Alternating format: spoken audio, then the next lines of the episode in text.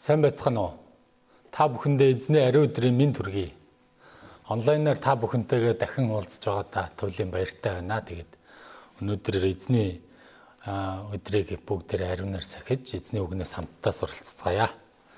За өнөөдрийн номлол нүгэлтнийг дуудахаар ирсэн Есүс. Марк 2:13-аас 17 гол ишлэл 2-ын 17 За бүгдээрээ гол ишлэлийг хамтдаа үзье.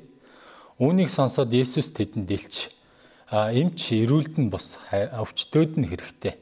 Би зөвхтийг бус нүгэлтнүүдийг дуудахаар ирсэн юм гэлээ. За бүгдээрээ хамтдаа залбирая. Хайр ивэл мөх амир дүүрэн туйлын ариун бурхааваа өчүүхэн гим нүгэлтэд зохисгүй хинт чирэггүйсэн биднийг та хайрлан сонгон дуудаж уучлан өршөөж аварч өгсөнд баярлалаа. Өнөөдрийг хүртэл та дэлхийн өнцөг болон бүрт өөрийн хайр инэрл нэгүслийг бэлгаан сойрхож байгаад баярлалаа. Өнөөдөр таны хүндлэн магтаж байгаа, таны үгнээс суралцаж байгаа сүнс бүрийн дээр таны үг, таны ариун сүнс, таны хайр инэрл нь бэлхэм дүүрэн байх болтугай. Таны үгийг бид нар бас сайн сонсож хүлээн авч бас таны үгээр амьдрч чадхад та тусалж удирдах өгөөч гэж гуйж байна. А энэ цагт хамт байж та Марк номоор дамжуулан нүгэлтнүүдийг дуутахаар ирсэн Есүсийг заах гэж байгаад баярлалаа. Та ариун сүнсээр хамт байж та биднэрд өөрийн үгийг заа өгөөч. Энэ цагийг эзэн минь танд даатгах байна.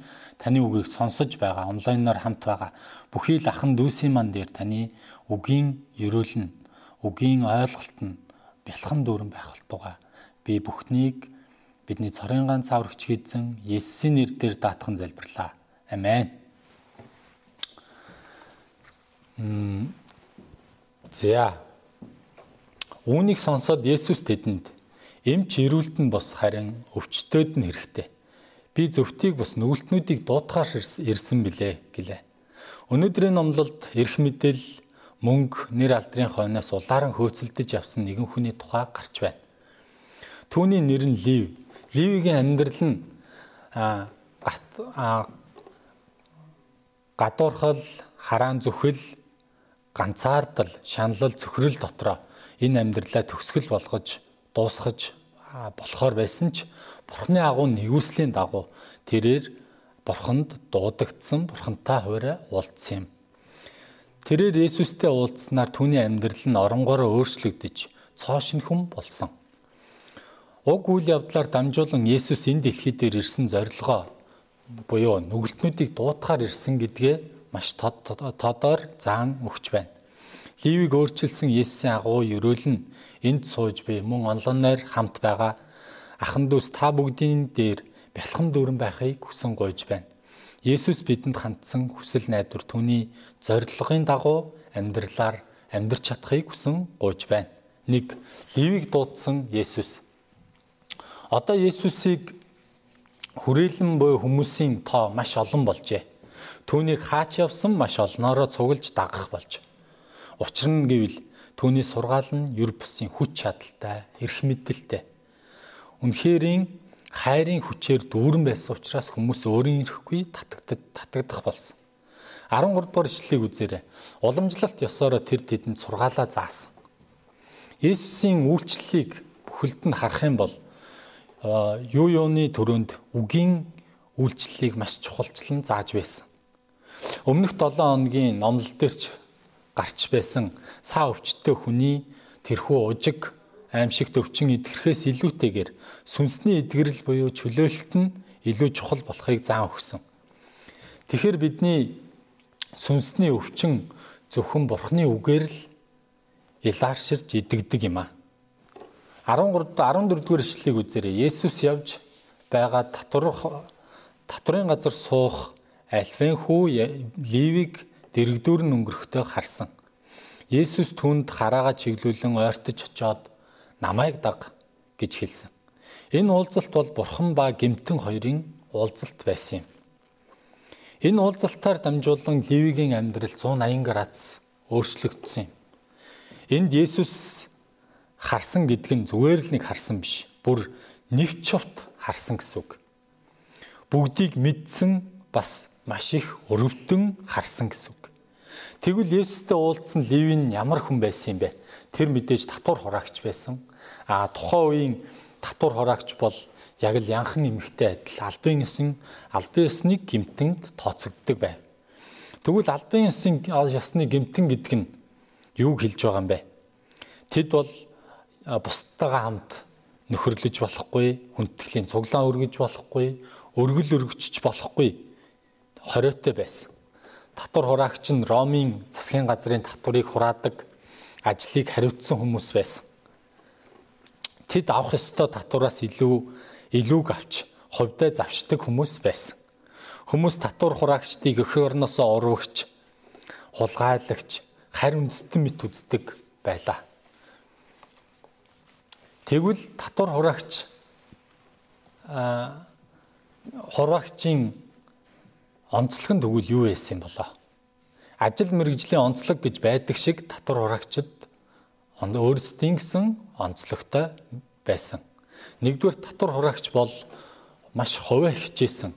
Бусдыг бодох бодох нь бодох гэж огтх нь ч үгүй.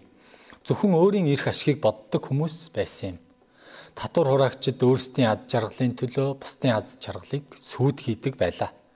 Бусдын төлөө өөрийгөө золиослох нь мунхаг явдал гэж үздэг байв. Харин бурхан тэднийг бусдын төлөө амьдруулахаар дуудсан юм. Библиэлд ямар ч тохиолдолд өөрийн эрх ашигыг бодож хуваа хичээж амьдрдаг амьдралыг гим гэж үздэг. Хүн төрлөختөний анханасаа бүтээгдсэн мөн чанар нь Бурхны алдрын төлөө мөн хөршийнхөө төлөө амьдрахаар бүтээгдсэн юм. Тэгвэл амьдрах үед ийхүү амьдрах үед жинхэнэ баяр хөөргийг мэдэрч аз жаргалыг эдэлж амьдрдаг. Англи хэлний joy гэсэн үгэнд Нэгдүгээрт Есүс, хоёрдугаарт бусад хүмүүс, гуравдугаарт нь өөрөө гэсэн журам дарааллаар дарааллын дагуу байснараа хүн жинхэнэ автоматар баяр хөөргийг мэдэрч амьдрдаг. Гэтэл татвар хураагч Ливигийн амьдралын үзэл бодол нь нэгдүгээрт би, хоёрдугаарт бас л би, гуравдугаарт мөн би гэсэн бай дараалтай байв. Зөвхөн өөрийнхөө төлөө хуваа хичээж амьдрах нь түүний хувьд Бурхны өгсөн хүссэн амьдралын зорилгоос хазаасан амьдрал байсан. Хоёрдугаар татвар хураагч бол шунлын боол байсан юм. Тэд бусдад өгөхийг мэдэхгүй бүх зүйлийг өөртөө хамж хурааж хоримтлуулдаг байсан. Тэгснээрээ өөрсдөө аз жаргалтай болно гэж боддог байсан. Гэтэл бодит байдал эсэргээрээ байсан. Шунал ихтвэл шулан болно гэдэгчлэн шунал нь гмийг төрүүлдэг гол үндэс болдог. Тиймээс Яков номын 1:15 дээр тэгээд тачаал нь үр тогтоон нүглийг төрүүлдэг. Нүгэл нь гүйцэд болохоро үхлийг гаргадаг аж хэмээн хэлсэн байна. Мөн Паул ч гэсэн шунхаарлын талаар энэ бол шүтэн шүтэх явдалтай адил дүүцхүйч гим юма гэж хэлсэн байна. 3 дугаарт татвар хураагчид бол маш хэрцгий харгас хүмүүс байсан. Тэд бусдын зовлон огтхонч хайхралгүйгээр хэрэгцээгээр хайхралгүйгээр татвараа хураан авдаг байв. Тиймээс юудын сургаал зүүр үгэнд уулын дунд зэрлэг аратан байдаг бол годамжинд харгас татвар хураагчд байдаг гэсэн үг хүртэл бий болсон. Өршөөл Энэрл гэдэг үг тэдний үгийн санд огт байхгүй. Хүнд хэцүү нөхцөлтэй нөхцөл байдлын дунд байгаа хүнийг хараад өрөвдөх сэтгэл төрж туслахыг хүн бүрл хүсдэг. Энэ бол Бурхны дүр төрхийн дагуух бүтээгдсэн хүнд байх ёстой чанар юм. Есүс уулан дээрх сургаалдаа энэрэнгүйчүүл өрөөлтэйе. Тэд өршөөл үнэрлийг хүртэх болно гэж заасан. Хэрв өрөвч нэрнгүй сэтгэлтэй байх юм бол тэд татвар хураагчийн ажилд тэнцэхгүй. Татвараа хурааж чадахгүй юм. Лив бол ийм л татвар хураагчдын нэг байсан юм. Тэрээр яагаад татвар хураагч болсон болоо? Ливийн амьдралд юу тохиолдсон байсан болоо? Хүний амьдралд юу ис тохиолдохыг тэр гэхөө. Ямар тач а Лев татвар хураагч болсон. Ямар ч зовлон гачигдал түүний амьдралд байсныг бид хэлж мэдэхгүй юм. Магадгүй түүний гэр бүл маш их ядуу учраас хүмүүс дээрлэхүүлж, доромжлуулж байсан да. Маш их өрөнд орсондоо эдгээр зовлонгоос салахын тулд татвар хураагч болсон байж болох юм. Эсвэл баян баян хөрөнгөтэй чинэлэг хүмүүс түүнийг их доромжилж гадуурхаж байсан учраас үүнийхээ өшөөг авахын тулд татвар хураагч болсон байж болох юм. Ямар тач тэр татвар хураагч болох нь эцсийн дүндээ юу хийх, ямар хүн болохоо маш их сайн мэдэж байсан. Ливигийн амьдарч байсан тэр цаг үе бол мэдээж Ромын колонд байсан маш хүнд хэцүү цаг үе байсан. Тэр бодит байдлыг харах юм бол сайн мэдээний төлөө амьдрах нь, Бурхны алдрын төлөө хончноор амьдрах нь үнэхээр хийсвэр мэт санагдсан байх. Эцэст нь тэр татвар хураагч болох сонголтыг гарган татвар хураагч болохын тулд бүхий л өндөр шалгууруудыг давахын төлөө маш их хичээсэн. Тэгээд эцэст нь зорьсон зорилгодоо хүрч сайн сайхан амьдрах болно гэж хүссэн. Мөнгө түүний хувьд бүх амьдралынх нь утга учир зорилго нь болж хувирсан. Тэрээр мөнгөтэй л бол бүх зүйлийг худалдан авч болно гэж бодсон тэр мөнгөтэй болоод өнгөрсөн хугацаанд хийж чадаагүй бүх зүйлсийг нэг нэгээр нь хийж эхэлсэн. Тэрээр магадгүй тансаг байшин худалж авсан, маш тансаг машин худалж авсан, амралтын өдөр болгон гольф тоглож, маш үнэтэй ресторанд хооллох болсон. Түүнд эхэндээ бүх зүйл үнэхээр сайхан байсан мэдээж. Цаашлаа түүний амьдрал аз жаргалтай байх ёстой байсан.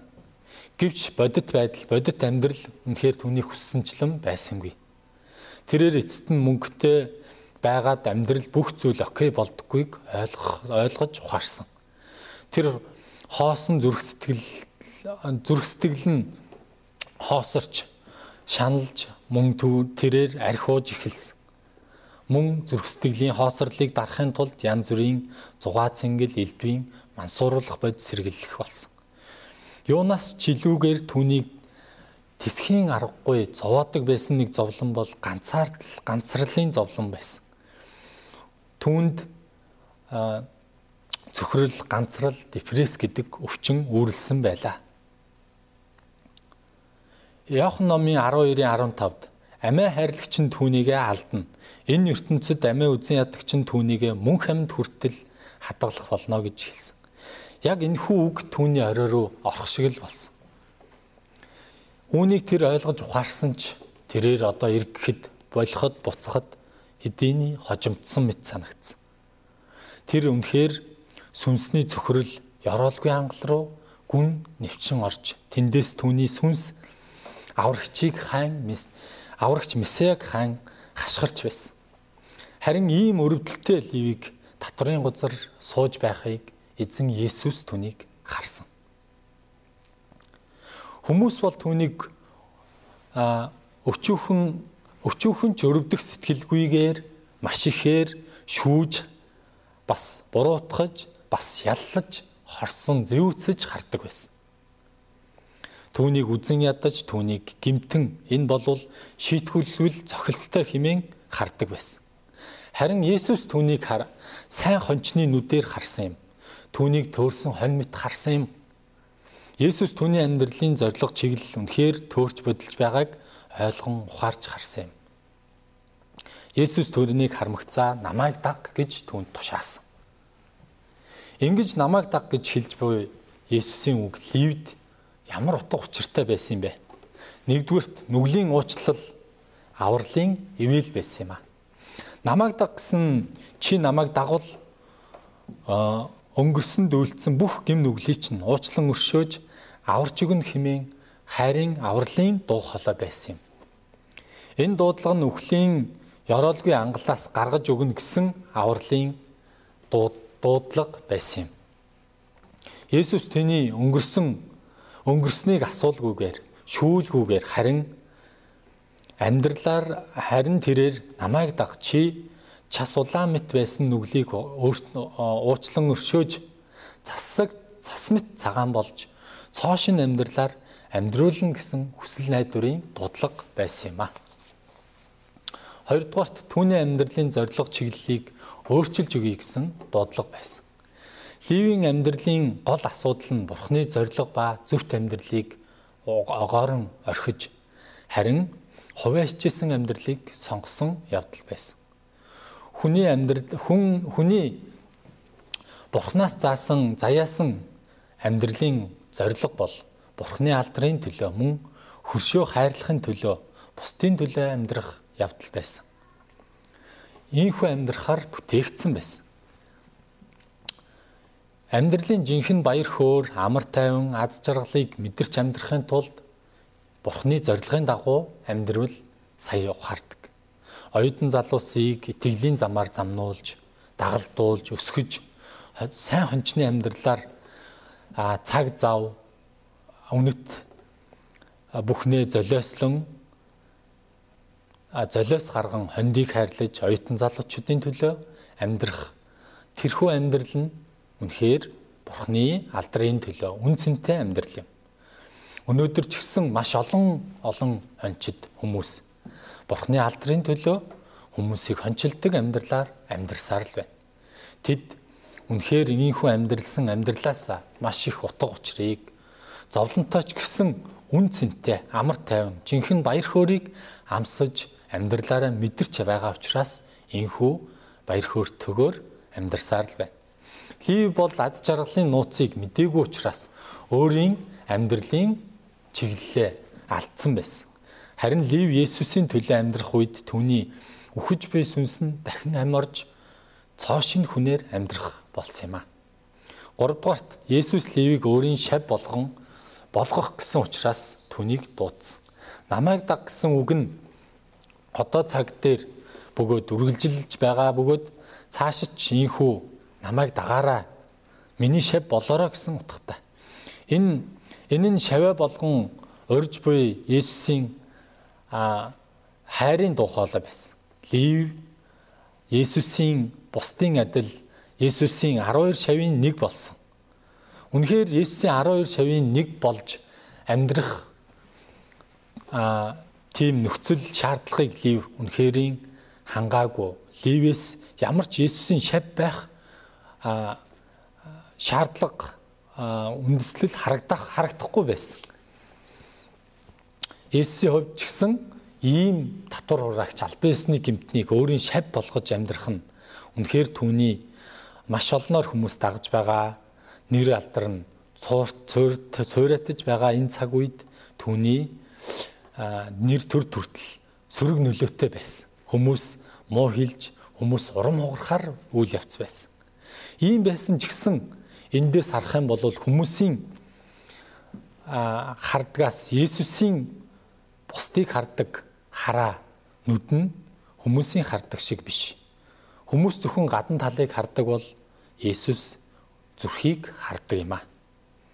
Мөн түүнд сайн мэдээний төлөөх агуу хүсэл найдварыг тавин дуудсан юм. Есүс түүнийг хизээч орхихгүй а орхиогүй юм. Матай сайн мэдээ номыг бичигч нь энэ дэлхийн гэрэл давс болж өөрчлөгдөж Бурхны зарцаар үйлчилсэн гайхамшигт нэгэн болж өөрчлөгдсөн юм. Дуудлага авсан түүний дуудлагыг авсан даруйд түүний хандлага нь тэгвэл ямар байсан юм бэ? Хичнээн дуудлагыг дуудлагын ивэл нь агуу их байсан ч хувь хүн өөрийн зүгээс ямар нэгэн үйлдэл гаргахгүй бол гайхамшиг бий болохгүй. 14 дугаар ишлэлийг үзээрэй. Тэр босож түүнийг даглаа гэж байна. Тэр а дуудлага авмагцаа тэр даруй шууд л босож Есүсийг дагсан. Хүн бүр өнгөрсөн амьдралаа алдаа ардаа орхиод шинээр эхлүүлэхийг хүсдэгч бас нөгөө талдаа өнгөрүүлсэн бүх зүйлсээ өөрийн бүтээсэн хураасан бүхнээ үгүйсгэж орхих нь бас айдастай бас эргэлзээтэй байдаг. Лив их орлого олдог тэрхүү ажлаа орхиод нүдэнд үл үзэгдэх тэрхүү ирээдүйгээ бодтоор харах юм бол айдас тавтаж эргэлзэж болох байсан. Мөн өөрийн гимт амьдралаа хаяад над шиг ийм гимтэн хизээч Есүсийг дагаж түүний шав болж чадахгүй шүү дээ гэж өөрийгөө голж болох байлаа. Гэсэн ч тэр зөвхөн Есүсийн хараад Есүсийг хараад Есүсийн хайранд Есүсийн дуудлаганд баттай итгэсэн юм. Түүнд итгэлийн зориг байсан юм. Тэрээр инхүү Есүсийг дагснаар өнгөрсөн бүх өөрийн бүхэл амьдралыг а үнэхээр зовлонтой байсан учраас тэр бүгдээ орхиж чадсан юм. Түүний зүрх сэтгэл нь бэрх а яг л бэлтгэгдсэн мэт байлаа. Тэр юунаас ч илүүгээр Есүсийн дотор л жинхэнэ хайр, хүсэл эрмэлзэл, найдвар, зориг байгааг олж харсан юм. Одоо тэрээр өөрийнхөө төлөө амьдрах биш, харин үнний төлөө өөрийгөө золиос зориулалттайгаар хончны амьдралаар амьдрахаар шийдвэр гаргасан. Тэр шийдвэр нь татвар хураагч Ливийг ариун матай болгож өөрчилсөн гайхамшигтай шийдвэр байсан юм. Энэ үнэхээр гайхамшигтай биш гэж юу? Энэ дэлхийн эд хөрөнгө, нэр алдар хамгийн энэ тэр энэ шийдвэр гаргаснаар энэ дэлхийн хөрөнгө мөнгө алдсан бүх зүйлсээ эргүүлэн Есүстэй уулзснаар түүнтэй хамт үн цэнтэй бүх бүхнийг ялалт байгуулдаг итгэлийн амьдралыг олж авсан юм. Энэ гайхамшиг нь үнэхээр өнөөдрийг хүртэл олон итгэгч нарт урам зориг өгч гэрчлэгдсээр байгаа билээ. Лив өмнөх амьдралынхаа амьдралаа эрх мэдэрл тэрхүү албан тушаал нэр алдар мөнгө болон бүх зүйлсээ орхисон. Тэр өөрийн эх орон алдсан байсан найз нөхөд хүний мэс чанараа хүртэл эргүүлэн олж авчээ. Гэвч тэрээр энэ Есүстэй уулзаад энэ бүхнийг эргүүлэн олж авч энэ Есүст баярлж талархсан илэрхийллийг илэрхийлж гайхамшигт найр хийсэн баг. Сайн мэдэрүү дуудагдсан түүний амьдрал нь Есүсийг магтаж алдаршуулж түүнд талархлыг өргөсөн. Хүн бүр түүний ариун нандин дуудлагыг ухаан оюутнуудын сайн хончноор бусдын төлөө золиос зориулт гарган үйлчлдэг амьдралаар насан турш амьдарч чадахыг хүсэн гуйж байна. Бурхны гайхалтай зориг үнц нь танд бэлхэм дүүрэн байг. Ливийг бусад бүх хүн харахтаа өчүүхэн төдий ч түнд үн цэннийг олж хараагүй.